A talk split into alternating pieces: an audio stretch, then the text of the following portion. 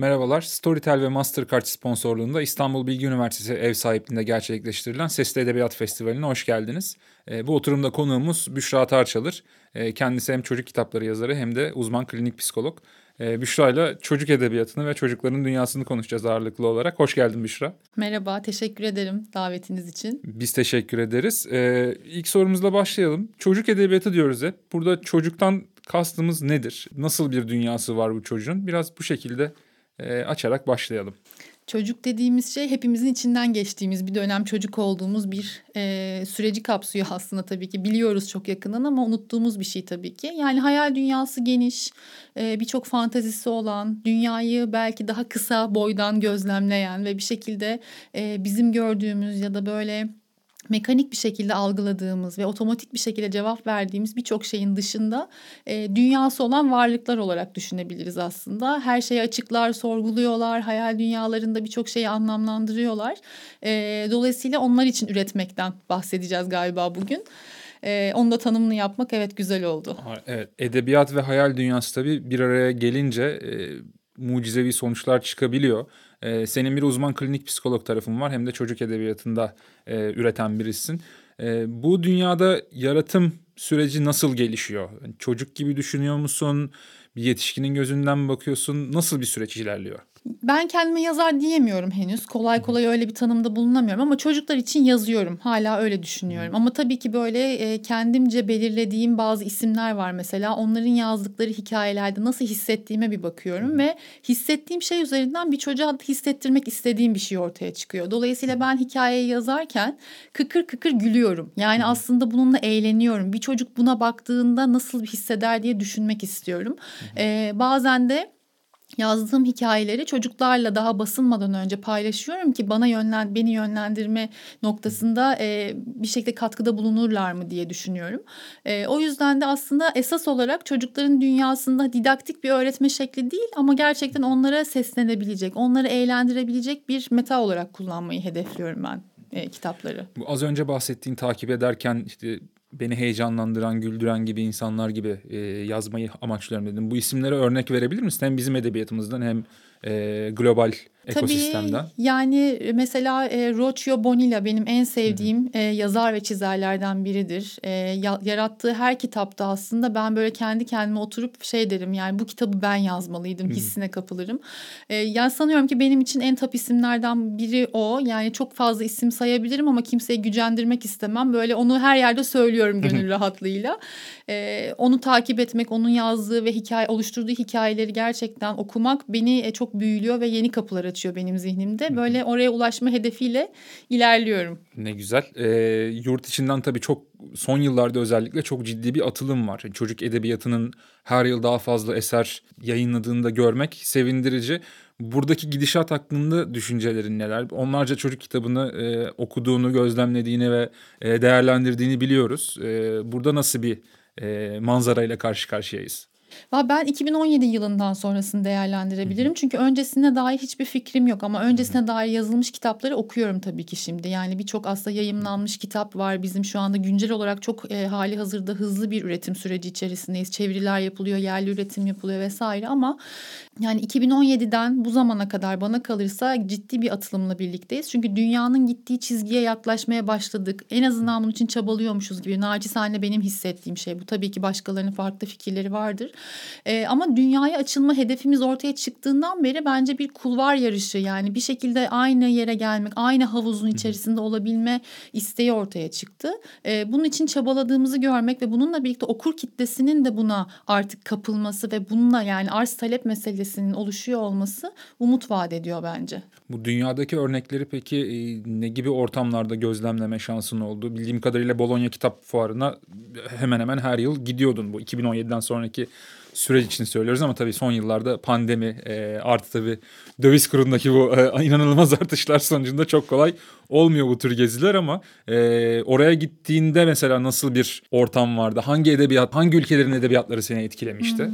Tam doğru söyledin yani Bologna Çocuk Kitapları Fuarı bizi böyle her gittiğimiz sene büyüleyen bir ortam. Çünkü orada aslında profesyonellere açık olan bir fuarda dünya nereye gidiyor, hangi konulara değiniyor, nasıl çizimlerle yoğruluyor görmek çok mümkün oldu. Konularınız yani seçtikleri konuları bile aslında fark etmek ve Türkiye ile kıyaslamak e, çok mümkün oldu. Bu bazen boynumuzu büktü bizim. İnsanlar nereye gidiyorlar, biz neredeyiz diye. Bazen çok ilham verici oldu.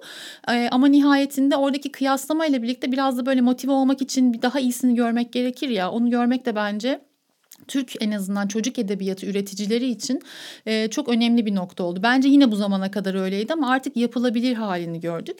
E, o yüzden oralarda gördüğümüz şeylerle bence hani bir şey ithal etmiyoruz. Ettiğimiz de var ama bir yandan yerli bir şekilde bunları da yapabileceğimizi, insanlara böyle de seslenebileceğimizi fark etmiş olduk. Kesinlikle muazzam bir ortam. Hani ben de e, bulunduğum için rahatlıkla söyleyebilirim. Özellikle hani Kore ve e, İran edebiyatından çok etkilenmiştim. Mesela oradaki çizim dili, e, görsel dil e, muazzam bir hı hı. dildi hakikaten. E, o bağlamda eminim buraya da ayrı bir havuz akıtıyordur o. E, bizim ekosistemimizi de çok pozitif anlamda etkiliyordur.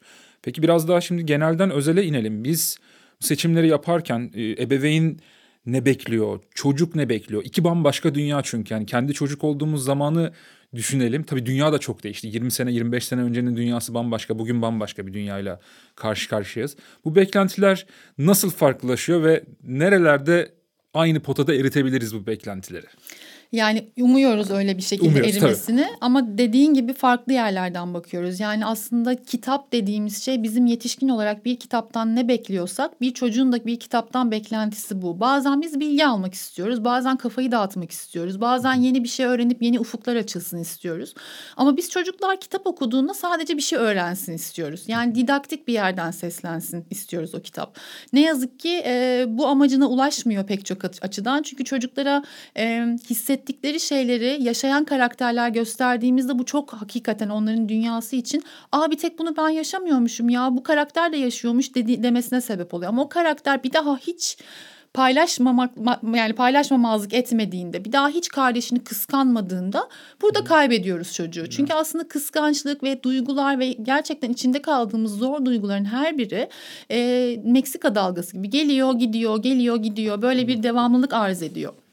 Dolayısıyla çocukların aslında buradan bir çıkarım yapıp bir daha asla yapmamalarına sebep olmaktansa ki ebeveynlerin ve yetişkinlerin beklentisi genelde bu oluyor.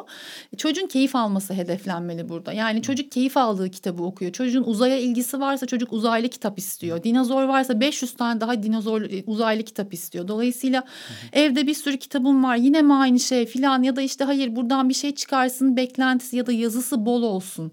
Çok yazılı kitap makbuldür gibi bir çıkarım olduğunda e, orada bence o kulvarları geç hakikaten aynı havuza bile girmemiş oluyoruz. Girmemiş Havuzdan oluyorum. gittik madem. E, doğru. e, ya, mesela şey örneği burada verilebilir belki. Domingo yayınlarının bastığı dahiler sınıfında. İşte Leonardo da Vinci mesela. Hani her projesini yarım bırakan enteresan bir karakter. Hani tabii çocuk bunun her yönünü örnek almasın ama böyle opsiyonlar da var. Yani hayatta böyle e, durumlar da var. Yani maalesef su yüz derecede kaynamıyor özellikle çocuk gelişimi ya da işte çocuk psikolojisi ya da çocuk edebiyatında su yüz derecede kaynamıyor. E, dolayısıyla değindiğin nokta çok da kıymetli. Peki ya tabii burada bir ebeveyn ayağı var, öğretmen ayağı var. İşte anaokulu olduğu zaman bambaşka bir dünya. Ee, biz bu kriterleri belirlerken, bu seçim kriterlerini belirlerken neye dikkat etmeliyiz? Bu tabii yine çok kişisel bir soru. Hani herkesin kendi doğrusu var. Herkesin kendi bir e, müfredat tarzı var ama yani senin baktığın noktadan nasıl bir seçim süreci işliyor? Bunu biraz senden duymak isteriz. Benim maddelerim var tabii ki. Yani söylediğin gibi kitap okuyorum ve değerlendiriyorum kendimce ve çok öznel bir yerden. Ama bir noktada aslında e, ortak bir yerde buluşabilmeyi de hedefliyorum. Seminer verdiğim ya da görüştüğüm insanlarla bir şekilde. E, burada amaç yani en önemli şeylerden bir tanesi bence e, illüstrasyonların çocuğun dünyasını zenginleştirecek şekilde olması. Ben yani şunu hep söylüyorum ki artık hayat bilgisi kitabında olan e, metnin söylediği şeyin resimde de görüldüğü kitapları bıraktık. Hala üretiliyor böyle kitaplar yok mu var ama tercih etmeyebiliriz bunları. Yeni dünya şuraya gidiyor. Metin bir şey anlatırken resim de bir şey anlatıyor bize paralelde. Yani orada e, orada köpek havladı dediği için orada da köpeği havlarken görmek görmek zorunda değiliz evet. biz ya da paralelde başka bir karakterin de e, orada başka işler çevirdiğini görebiliyoruz kitap içerisinde. Dolayısıyla illüstrasyonlar çok önemli bana kalırsa. Çocuğun hayal dünyasını geliştirecek soyut, somut ama böyle gerçekten düşünmeye ve sorgulamaya sevk edecek şeyler olması. İkincisi düzgün bir Türkçe. Yani çeviri kitap olabilir. Gerçekten bizim yazarlarımızdan birinin ürettiği bir kitap olabilir ama bizim Yazım yanlışı yapma lüksümüz yok. Çocuklar evet konuşarak öğreniyorlar dillerini ama yazmayı da kitaplardan öğreniyorlar. Ve yazım hatası yaptıkça çocukların aslında ellerinden bunu öğrenme lükslerini demeyeceğim, bunu öğrenme haklarını ellerinden almış oluyoruz gibi Kesinlikle. oluyor. E, bunun dışında tabii ki e, kitapların baskı kalitesi çok önemli, verdiği mesaj çok önemli. Yani mesaj kaygılı bir kitap ya da didaktik bir şekilde öğretmeyi hedefleyen kitaplardan uzak durmak. Hı hı. Az önce de söylediğim gibi çok önemli. Yani çocuklar onlardan sıkılıyor. Düşünsenize Kesinlikle. yani yetişkin olarak sürekli sana parmak sallayan, sürekli doğrusunu öğrettiğiniz ifade eden ve bunu iddia eden kitaplar okumayı istemezsin. Hı. Çocuk da istemiyor bunu ve çocuk da diyor ki yani olduğu gibi ben şeyi söylüyorum Saftiri kitabı neden bu kadar meşhur oldu? Çünkü e, mükemmel olmayan ebeveyne değiniyor. Çünkü evet. Saftirik onları eleştiriyor. Saftirik de mükemmel bir çocuk değil ve hata yapabiliyor. Çünkü insanların buna ihtiyacı var. Çocuğun da buna ihtiyacı var. Ya düşerim kalkarım hata yaparım eleştiririm azıcık aile aileme öfkelenebilirim. Ve bununla okey. Yani saygı duyan efendi bir çocuk görmek istemiyor hiçbir çocuk ya da böyle bütün kurallara uyan bir cici kız cici oğlan olmak istemiyorlar nihayetinde. Kesinlikle eşyanın tabiatına da aykırı bir durum var tabii burada. Yani çocuk dediğin en başta hani hareketli canlı her şeyi merak eden bir varlık diyeyim. Hani doğru tanımlamayı sen belki daha iyi yaparsın ama biz burada o iki dünya arasındaki mesafeyi nasıl daha fazla daraltabiliriz? Bu işi biraz da ebeveyn tarafından yaklaşarak soralım hadi. Bir ebeveyn bu e, evet mesaj kaygılı kitapları ebeveynlerin eli buna daha kolay gidiyor ama biraz daha senin bahsettiğin dünyaya, daha yaratıcı, daha çocuğu düşünmeye sevk eden dünyaya nasıl daha çok yaklaşabiliriz? Hı hı. İşbirliği yapmak bence çok önemli burada. Bağ kurmak çok önemli. Bir şey öğretmeye çalışıyorsak çocuğa hep söylüyoruz. Çocuğa kendini kötü hissettirerek bir şey öğretemezsiniz. Yani hı hı. oradaki parmak sallayan kitaplarla kendini kötü hissettirip aa bu çocuk becerebiliyor. Ben niye yapamıyorum? Ben o zaman kötü bir çocuk muyum diye düşünmesini sağlayarak bu çocuğun davranışını değiştirmesini sağlayamayız. O yüzden Esas olarak bence konuşmak istediğimiz konularda çok güzel kitaplar var. Zor konular var. Ölümü konuşuyoruz, cinsellik konuşuyoruz, kardeş, boşanma, taşınma bir sürü şey konuşuyoruz. Ve bunlarla ilgili bir kaygımız varsa ve bir konu açmak istiyorsak çok güzel kitaplar seçip bunlar üzerinden sen ne düşünüyorsun? Sana nasıl geliyor? Endişelendiğin şeyler neler diye konuşabiliriz çocuklarla. İkincisi demokratik bir ortam oluşturmak. Yani kitap seçerken de çocuklara bir sen seç bir ben seçeyim. Birlikte bir şeyi karar verelim. Sen başka bir şey seçebilirsin. Örnek veriyorum ki izledikleri Disneyland karakterleriyle ilgili kitaplar seçmeye daha meyilli olabiliyor çocuklar. Sen bunu seçtin ben de bunu seçtim.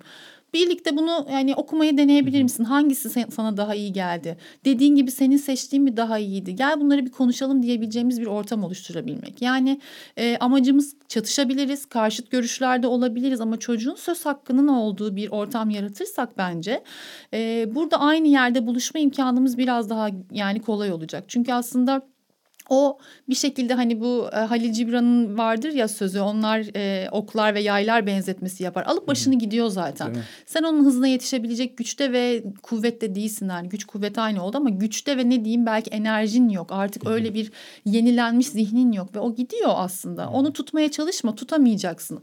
Onun hızına ayak uyduramayacaksın ama en azından hani onunla birlikte olduğunu arkasında elinin olduğunu hissettirmek pek çok açıdan e, kitaplarla da bence e, işimizi kolay kolaylaştıracak bir şey. Kesinlikle ve hiçbir zaman onu kadar berrak düşünemeyeceksin. Yani dolanmış bir hortumu salyangoza benzeten yetişkin sayısı herhalde bir elin parmaklarını geçmez ama çocuklar bunu böyle düşünebiliyor. Yani bambaşka bir görsel dünyaları var. Tam bu noktada biraz da sessiz kitaplardan konuşmak istiyorum. Yani biraz ebeveynlerin mesafeli durduğu bir tür olduğunu düşünüyorum. Ayrı bir tür olarak değerlendirebiliriz belki.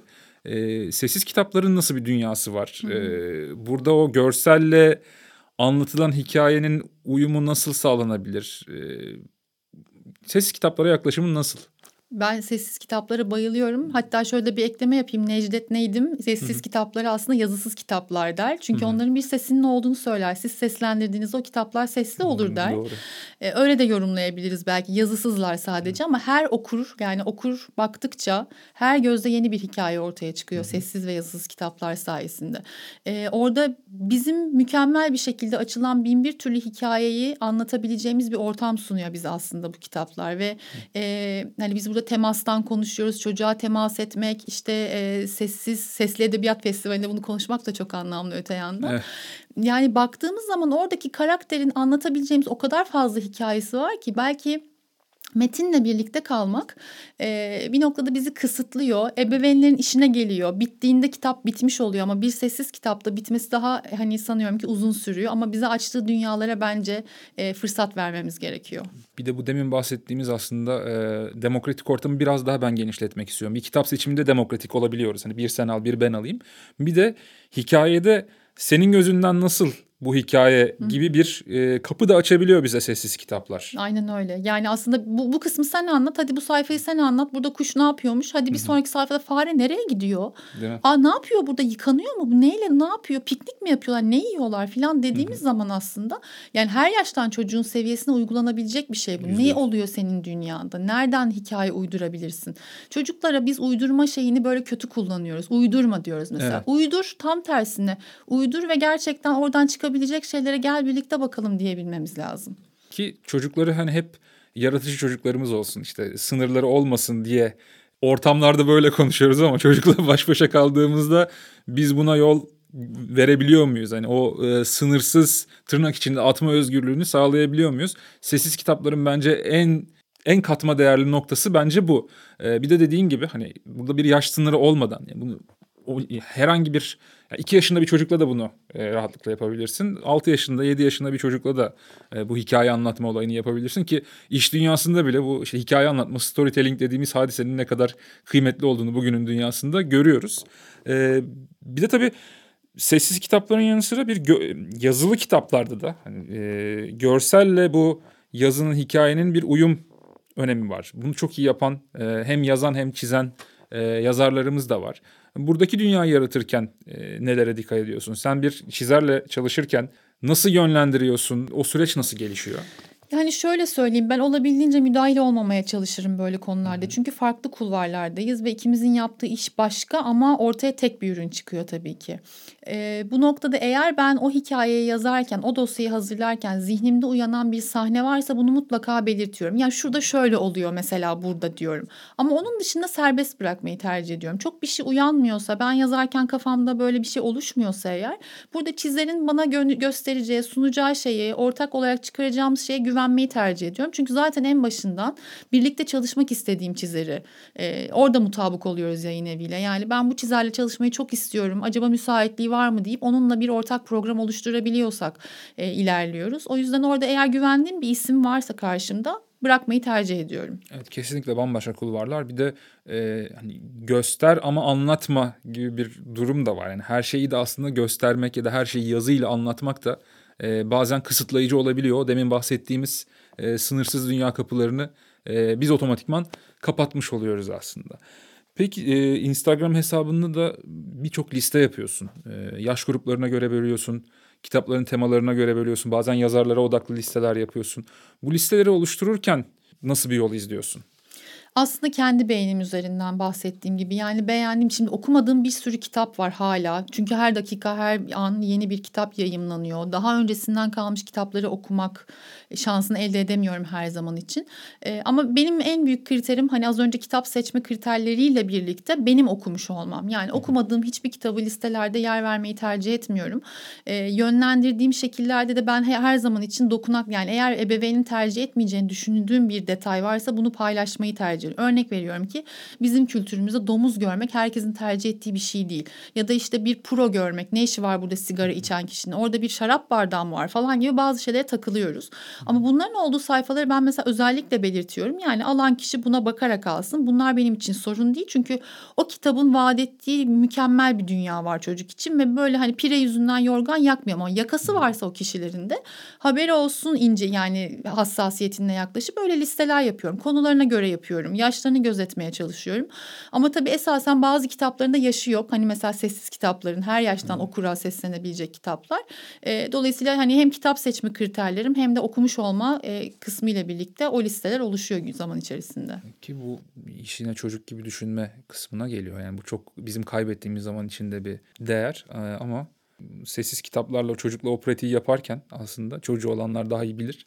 E, sizin de düşünce e, hazneniz gün be gün genişlemeye başlıyor. Tekrar aslında bir e, sanki hayatınıza bir yeni başlangıç yapıyorsunuz gibi bir duruma da e, sokuyor sizi. Sessiz kitaplar ya da çocuk edebiyatının e, bütünü, iyi kitaplardan bahsediyorum tabii. Bütün olarak böyle bir e, yorumda bulunabiliriz. Orada şeyi söylemek isterim. Zamanında e, İspanyol kültürde Alejandro Palamas'ın e, bir söyleşisine katılmıştık. Orada yani çocuklar için yazarken kendi evine bir tane e, okul sırası söylediğini ve okul sırasından dünyayı gözleyerek bir kitap yazdığından bahsetmişti.